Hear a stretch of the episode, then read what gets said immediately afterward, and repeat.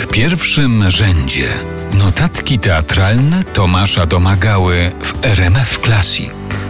Olga Tokarczuk powiedziała podobno po premierze tego spektaklu, że nigdy nie widziała czegoś tak zachwycającego. Zgadzam się z nią w pełni, dodając, że jest to rzeczywiście jedna z najlepszych adaptacji powieści noblistki, jakie widziałem. A mowa o londyńskim spektaklu kompanii Complicité Prowadź swój pułk przez kości umarłych, wyreżyserowanym przez Simona McBurneya, pokazywana ostatnio gościnnie na Wiener Festwochen. Prawie trzygodzinna opowieść o starej kobiecie, wymierzającej własną sprawiedliwość w małej społeczności, gdzieś w sercu Kotliny Kłodzkiej staje się niezwykłym traktatem o śmierci i jej sensie. Rozpisana na grającą Janinę Duszejko Katrin Hunter i towarzyszących jej aktorów historia zachwyca przede wszystkim kongenialną adaptacją i aktorstwem całego zespołu. Znakomite są też narracje zaklęte w dźwięku i świetle, które stają się tu bezwzględnymi narzędziami budowania hierarchii, wymykającej się jednak współczesnym sposobom rozumienia tego pojęcia. Adaptacja jest wspaniała,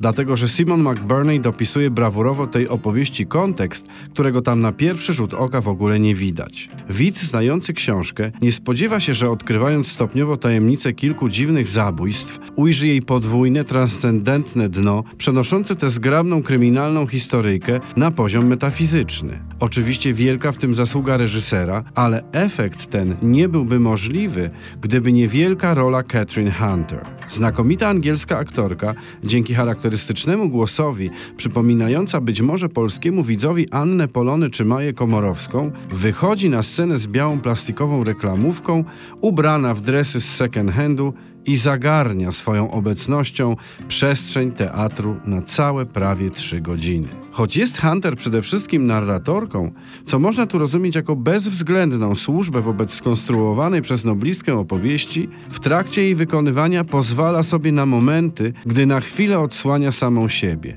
swoje cierpienie, wątpliwości, ale i marzenia. Te fragmenty spektaklu wydają się najbardziej poruszające, ukazując głęboko ludzki wymiar jej roli. Z tego też powodu znakomita, mieniąca się pełną paletą środków i emocji, rozpięta między błazenadą, stand-upem, a tragiczną świadomością losu, jaki każdemu z nas został na tym świecie przydzielony, rola Catherine Hunter urasta do poziomu wielkiej kreacji rodem z szekspirowskiej tragedii. Cała zaś opowieść Tokarczuk zyskuje dzięki niej wielki, transcendentny wymiar. Janina Duszejko-Hunter to postać, której już do końca życia nie da się zapomnieć.